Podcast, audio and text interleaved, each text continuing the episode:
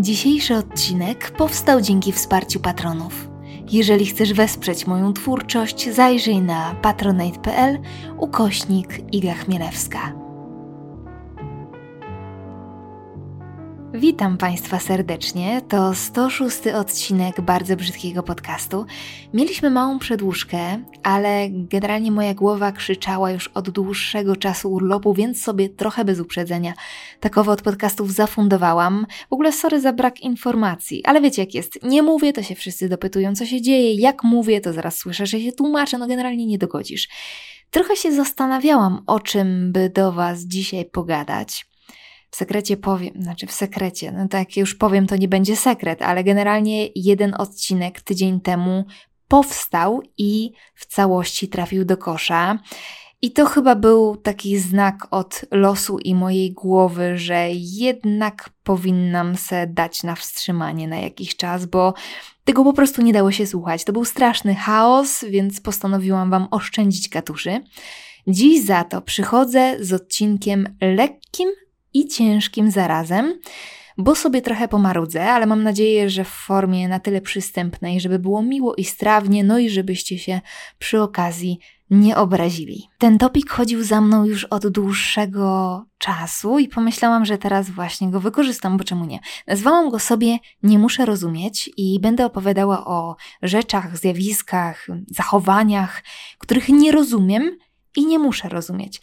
Bardzo zachęcałabym w tym odcinku do dystansu. Warto cały czas pamiętać przy tym mm, dosyć mocnym, że tak to nazwę, trendzie oburzania się i obrażania się w internecie na wszystko i na wszystkich, że każdy z nas jest kompletnie inny wyjątkowy, jak lubimy mawiać, jak lubimy się czuć, ale ta wyjątkowość nie ogranicza się wyłącznie do mm, wszystkich wspaniałości, które mamy światu do zaoferowania, ale również do gustów i guścików.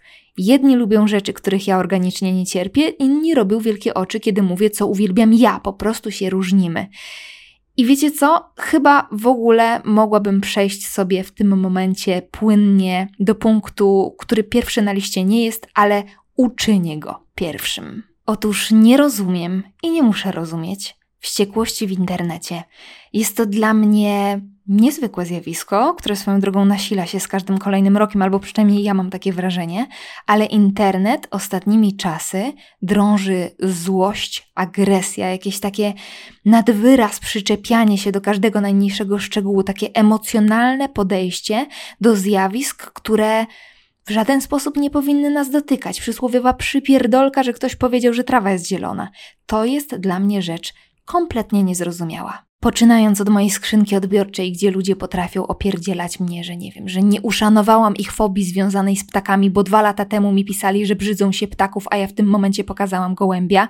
Przez grupki na Facebooku, gdzie laski potrafią napierdzielać się na gołe klaty o, strzelam, pielęgnację włosów kręconych po nieszczęsną sekcję komentarzy na portalach plotkarskich. To ostatnio to jest w ogóle hit, bo ta absolutna wściekłość, z jaką formułowane są opinie na temat na przykład kreacji jakiejś gwiazdy telewizji, albo tego, że ktoś był w jakimś związku, ale już nie jest, jak on mógł, ta wściekłość, ta wściekłość, gdyby się dało to przerobić na energię, to mogłaby zasilić w prąd średniej wielkości miasto, jestem tego pewna. I wiecie, z jednej strony mnie to drażni, z drugiej trochę wzruszam ramionami, bo wydaje mi się, że z tego się nie da całego tłumu korzystającego z internetu wyleczyć. A z trzeciej, takie zachowanie jest, przynajmniej dla mnie, niesamowicie intrygujące. Ostatnio mówiłam na Instagramie, że od czasu do czasu, kiedy ktoś smaruje mi kolejną jadowitą wiadomość, to pojawia się u mnie potężna doza ciekawości kim jest ten człowiek, dlaczego to pisze, dlaczego formułuje swoje myśli w ten sposób, dlaczego marnuje na mnie swój cenny czas, bo skoro postanowił, postanowiła wysnuć jakieś mniej lub bardziej trafione wnioski na mój temat, ubrać je w bardzo krzywdzące słowa i wysłać mi taką pigułę na przykład o ósmej rano, no to biorąc pod uwagę fakt, że za mną nie przepada, jest marnacją czasu do kwadratu. To nie ulega żadnej wątpliwości. Strasznie to jest wszystko dla mnie intrygujące, wiecie? I tak samo jest z tymi wszystkimi szeryfami internetu, lekarzami po pierwszym roku medycyny, skarbnicami wiedzy wszelakiej, albo tymi tymi wszystkimi politycznymi dyskutantami i po jednej i po drugiej stronie barykady tak naprawdę. z tymi wszystkimi ludźmi, którzy są w stanie urwać ci łeb, jeżeli myślisz inaczej, a niektórzy są w stanie w ogóle urwać ci łeb, jeżeli nie myślisz, jeżeli nie masz zdania na dany temat, albo jeżeli chcesz być w środku, a nie po którejś z tych oddalonych o lata świetlne od siebie stron. Najzabawniejsze w tym wszystkim jest to, wiecie, że ten internetowy świat i, i mechanizmy, które w nim rządzą, nie mają przełożenia w normalnym, realnym życiu. No nie podejdziesz do kogoś na ulicy, żeby wyzwać go od grubasów albo chudzielców. Nie będziesz daru się do wyborców przeciwnej partii pod lokalem wyborczym. Nie będziesz wygłaszać monologu pod adresem randomowej matki, która według ciebie popełniła błąd wychowawczy, bo w ciągu 10 sekund zobaczyłaś coś, co ty zrobiłabyś inaczej. No nikt tak nie robi. A sieć, przez to, że jesteśmy w mniejszym lub większym stopniu anonimowi, przez to, że wygłaszanie opinii jest proste, bo wystarczy coś napisać i wcisnąć Enter, że nie musimy, wydaje mi się, że to jest główny powód, że nie musimy zderzać się z emocjami naszego rozmówcy, po prostu piszemy, puszczamy coś w Ether i tyle. Ta sieć właśnie z tych powodów staje się od czasu do czasu takim okropnym, okropnym placem zabaw, w którym każdemu wydaje się, że ma 100% racji i w którym każdy uważa, że ma prawo wygłosić swoją opinię, bo od tego jest internet, od tego jest sekcja komentarzy. No kurde, nie do końca. Internet stał się miejscem myślenia zero-jedynkowego. Nie każcie mi tego rozumieć. O, musiałam sobie zrobić przerwę po tym pierwszym punkcie. Wiecie co, zmienimy trochę taktykę będę sobie przeplatać tematy trudne i te po prostu zabawne, bo widzę po sobie, że dzisiaj nie mam za dużo y, zapasu energetycznego na mówienie o rzeczach trudnych ciągiem. Więc będziemy sobie tak miksować i w ten sposób może wy dotrwacie ze mną do końca, a ja nie eksploduję z nadmiaru emocji. Zatem kolejnym punktem na mojej liście jest Chociaż nie wiem, czy to jest taki znowu łatwy temat, dlatego że za każdym razem, kiedy o nim wspominam, na przykład na Instagramie, to budzi olbrzymie emocje. I musicie mi teraz obiecać, że nie zostanę spalona żywcem, ani że nie przyjdziecie pod mój dom z kamieniami i widłami, ok? Ok, mamy umowę. Zatem nie rozumiem fascynacji serialem Przyjaciele. Sorry.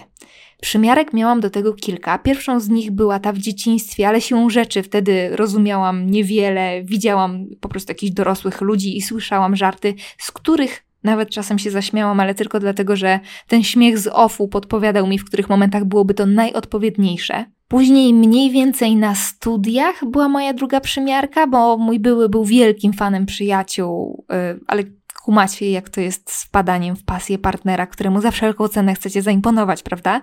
Bardzo chcecie to zrozumieć, bardzo chcecie się wczuć, no ale siłą rzeczy zainteresowanie danym zjawiskiem znika razem z tą nie pierwszą i nie ostatnią niby miłością.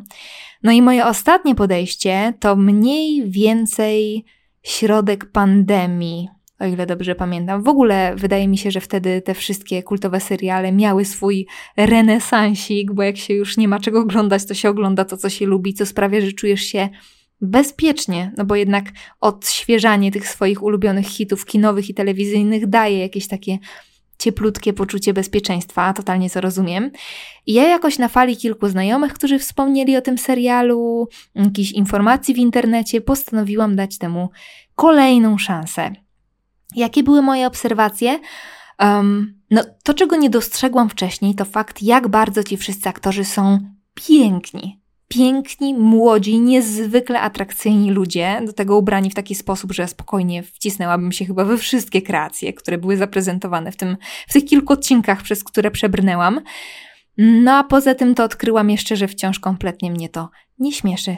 Bardzo się starałam, uwierzcie, no ale no, no, nie, nie rozumiem, nie rozumiem i nie muszę zrozumieć i to jest jak najbardziej okej. Okay. Tak samo jak wy nie musicie rozumieć mojej miłości do, mm, o, do na przykład serialu Midnight Gospel. Y, kiedyś wspomniałam o tym serialu na Insta i dostałam kilka wiadomości o treści zmarnowałam czas na to dziadostwo. No cóż, no, nie musicie rozumieć i to jest piękne. No dobrze, zachowajmy zatem e, parytety tematów niewygodnych. Zatem nie rozumiem i nie muszę rozumieć skazywania się na wiele, wiele lat pracy na stanowisku, które nie przynosi ci żadnych korzyści. Być może Zostałam wychowana w takich, a nie innych czasach, w takim, a nie innym środowisku, y, z takim, a nie innym podejściem do świata i do życia, albo jak niektórzy lubią mawiać, jestem w czepku urodzona, ale wciąż słyszę o sytuacjach, w których ktoś pracuje 5-10-15 lat w miejscu z szefem hamem, brakiem jakichkolwiek perspektyw, brakiem dobrej kasy, bo jeszcze gdzieś rozumiem, chociaż też nie do końca, ale byłabym w stanie zrozumieć, że ktoś po prostu praktykuje taki masochizm zarobkowy. Ale mam znajomych, którzy nie dostają absolutnie nic oprócz frustracji i tkwią na tym samym stanowisku latami.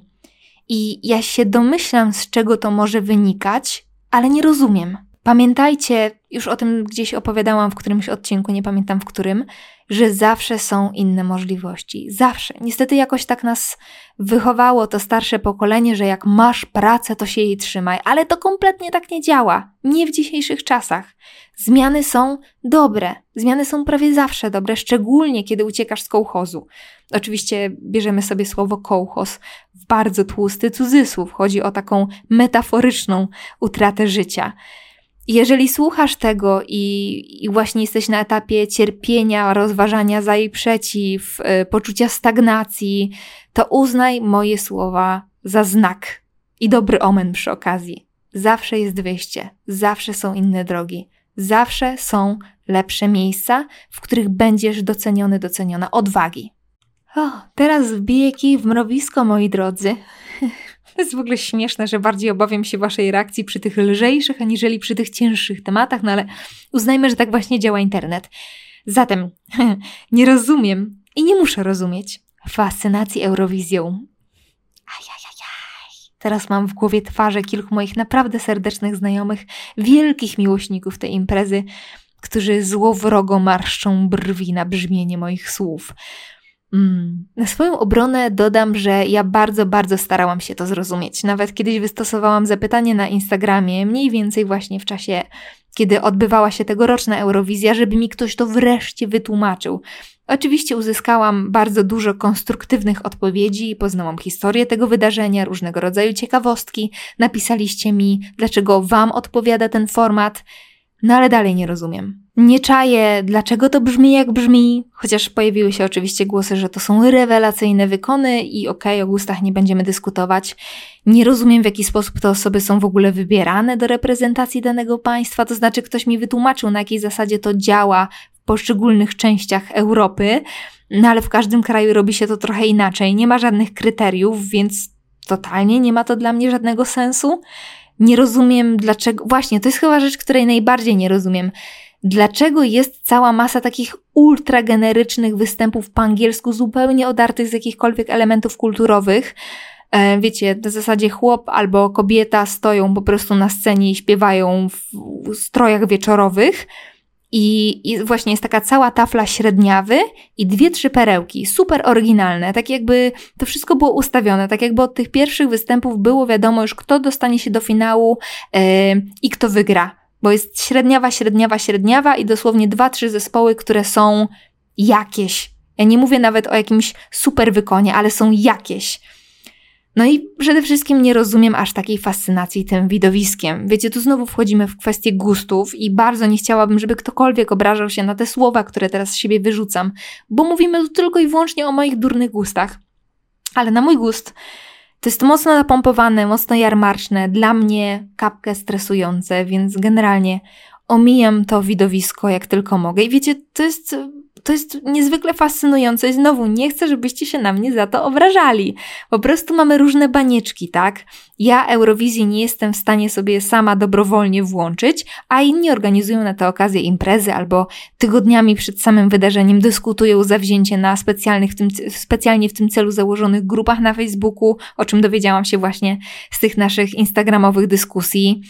I to jest piękne, to jest przedziwne, fascynujące i przepiękne, i absolutnie to szanuję, i cieszy mnie fakt, że się różnimy. Dalej zapisałam, że nie rozumiem oglądania wiadomości co wieczór, i tutaj chyba wypadałoby e, wrzucić kilka słów wyjaśnienia. Ja absolutnie czaję, że można posiadać głód informacji z kraju i ze świata, tak? Szanuję to kompletnie, ale hmm, kurczę, może może mniej nie rozumiem, a bardziej nie lubię, nie lubię wiadomości. Kanały informacyjne budzą we mnie wszystko co najgorsze. Budzą we mnie smutek, agresję, rozczarowanie, bezsilność, dobór informacji. Może to zabrzmi trochę foliarsko, ale dobór informacji jest tak zręcznie skonstruowany, żeby czuć się gorzej z każdą kolejną minutą. Przynajmniej ja czuję się najgorzej na świecie, chociaż w większości przypadków te problemy mnie w żaden sposób nie dotyczą. E, być może zabrzmi to odrobinę, odrobinę egoistycznie, ale to jest w ogóle podejście, którego nauczyła mnie moja mama. Bo za każdym razem, kiedy słyszałyśmy, że komuś źle się wiedzie, że wydarzyło się gdzieś tam daleko, daleko jakieś nieszczęście, nawet takie, które w pierwszym momencie nami bardzo wstrząsnęło, mama powtarzała jak mantrę: To nie jest twój krzyż. Brzmi bardzo chrześcijańsko, chociaż mama nie jest wierząca i samo podejście też nie należy do chrześcijańskich. Krzyż po prostu jest metaforą cierpienia, którego wcale nie musisz dźwigać, bo nie jest twoje. Zamartwianiem się, współczuciem, rozkładaniem na czynniki pierwsze kolejnej tragedii z drugiego końca globu nikomu, ale to nikomu nie pomożesz. Po prostu. Świadomość tego, że wydarzyło się coś złego, nie zmieni biegu zdarzeń. Oczywiście uogólniam, bo czasem większa świadomość pozwala zapobiegać kolejnym nieszczęściom, oczywiście, ale w większości przypadków zatruwa nas i tylko nas. I jasne, to jest tylko i wyłącznie moja opinia. Zdaję sobie sprawę z tego, że może wzbudzić pewne emocje, ale dla mnie te wiadomości są taką właśnie pigułką nieszczęścia, którą, i tego właśnie nie rozumiem, bo to jest ten cały punkt, którą niektóre osoby przyjmują dziesięcioleciami do kolacji. Ja wiem, że rytuał, że takie rodzinne spotkanie przy telewizorze, ale jeżeli słuchanie o tym, kogo przejechał pociąg, kogo zamordowali, jest częścią czyjejś rutyny, to chciałoby się zakrzyknąć chleba i igrzysk. Swoją drogą wydaje mi się, że w tej materii również przez wieki niewiele się zmienia.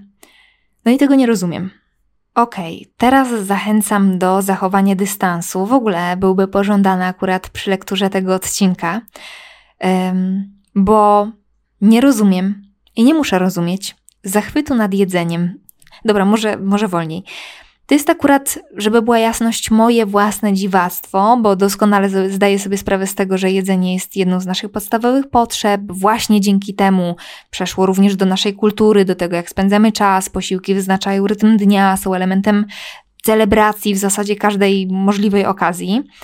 Ale ja i tak tego nie rozumiem, bo jestem dziwolągiem, warto to zaznaczyć, jestem dziwolągiem, dla którego jedzenie jest wyłącznie czynnością podtrzymującą mnie przy życiu. Oczywiście mam ulubione potrawy, mam jakiś tam rytm spożywania posiłków w trakcie dnia, nie mam z jedzeniem żadnych problemów, żeby była jasność, ale jestem ostatnią osobą, która będzie, nie wiem, wypytywać o menu na imprezie albo terroryzować znajomych na wyjeździe w poszukiwaniu restauracji. Suchy chleb z masłem, czy dajmy na to elegancka potrawa za miliony monet, mi jest wszystko jedno. I powiem wam, że zawsze czuję się jak skończony głupek, kiedy gdzieś na przykład w towarzystwie ludzie zaczynają wymieniać się przepisami, albo opowiadać sobie o jakichś kulinarnych odkryciach, albo zachwycać się jakąś potrawą. Wówczas zwykle albo milczę, albo udaję, że jakkolwiek mnie to interesuje, chociaż nie interesuje wcale. Mm, potrafię też niczym prawdziwy socjopata zagrać zachwyt nad smakiem określonego dania, bo wszyscy się zachwycają i łapię się na tym, że chyba tak wypada w tym momencie ale tak naprawdę prawdziwy zachwyt nad jedzeniem odczułam może dwa razy w życiu, a cała reszta to jest po prostu czynność, która utrzymuje mnie przy tym życiu. Z tych dwóch razy jeden był wtedy, kiedy w dzieciństwie odłączono mnie od kroplówki po kilku miesiącach i mogłam wreszcie zjeść jakiś delikatny posiłek. Już nawet nie pamiętam, co to było, ale pamiętam, że nakładałam takie mini, mini porcyjki na łyżeczkę, żeby starczyło mi jak najdłużej. A drugi zachwyt był wtedy, kiedy Marcin zrobił ratatouille, ale nawet nie pamiętam smaku tego posiłku. Chyba mój zachwyt bardziej wynikał z takiego, z takiej bardzo spektakularnej pierwszej um, prezentacji umiejętności kulinarnych mojego współlokatora. Także nie wiem, czy to w ogóle można nazwać y, takimi stricte zachwytami nad tym, co spożywam. No i tak sobie teraz pomyślałam, że między innymi właśnie to, ten brak kulinarnych uniesień może w pewnym sensie odpowiadać za mój kompletny brak drygu kucharskiego. Makaron umiem ugotować, podgrzać sos ze słoika i, i powiem wam, że naprawdę jestem wdzięczna panu losowi, że dał mi chłopaka, który, którego głównym wyborem, yy, przepraszam, głównym kryterium yy, wyboru partnerki nie była yy, baba, co to ugotować umie, no bo byśmy się bardzo szybko pożegnali. Także Przypalone jedzenie nadrabiam poczuciem humoru. Kropka. No dobrze, dalej miksujemy tematy um, lekkie i przyjemne z tymi cięższymi i mniej strawnymi. Zatem dalej temat super gorący i nie rozumiem, dlaczego aż tak gorący. Nie rozumiem i nie muszę rozumieć, dlaczego kwestia orientacji seksualnej tak bardzo dzieli w zasadzie cały współczesny świat. Nie rozumiem, dlaczego to z kim śpisz i kogo kochasz, kto cię rajcuje najzwyczajniej na świecie, więc mówimy o najbardziej intymnych sferach życia, jest tak często poruszane podczas debat politycznych, przepychanek słownych, jakichś internetowych nieprzyjemności, zderzania się poglądów, gdzie się tylko da i jak się tylko da. Ja, wiecie, ja się naprawdę tak bardzo, bardzo po ludzku zastanawiam, czy to jest w ogóle coś, nad czym trzeba jakkolwiek dyskutować. To znaczy, wiecie, ja cały czas staram się zrozumieć jedną i drugą stronę i kompletnie ja, ja, ja nie czaję tego przerażenia, bo rozumiem, że ta cała złość, agresja, oburzenie wynika z jakiegoś strachu, tak? Tego przerażenia faktem, że ktoś może na przykład spać ze sobą tej samej płci. Oczywiście Mówię tu o spaniu, żeby jakkolwiek to um, uprościć maksymalnie tę moją myśl. Chodzi mi generalnie o wspólne życie. Wiecie, zastanawiam się, jak to mi zagraża, co to zmienia, co, wiecie, co to wprowadza do mojego kontaktu z tą osobą. Jak na moją relację z, załóżmy, kolegą z pracy ma wpływać jego związek, no bo w zasadzie to się do tego sprowadza, tak? Już abstrahuję naprawdę od wszelkich podziałek i obecnych dyskusji, które są na czasie. Ja po prostu nie rozumiem, tak właśnie jak mówiłam, tak po ludzku nie rozumiem, dlaczego w topce tematów publicznych jest tak osobisty, tak bliski skórze temat, tak bliska skórze sfera życia. Nawet ostatnio rozmawiałam z Marcinem yy, właśnie o tym i próbowaliśmy jakoś wspólnie rozszyfrować, Marcin ma oczywiście takie same poglądy jak ja. Próbowaliśmy rozszyfrować te, te lęki właśnie.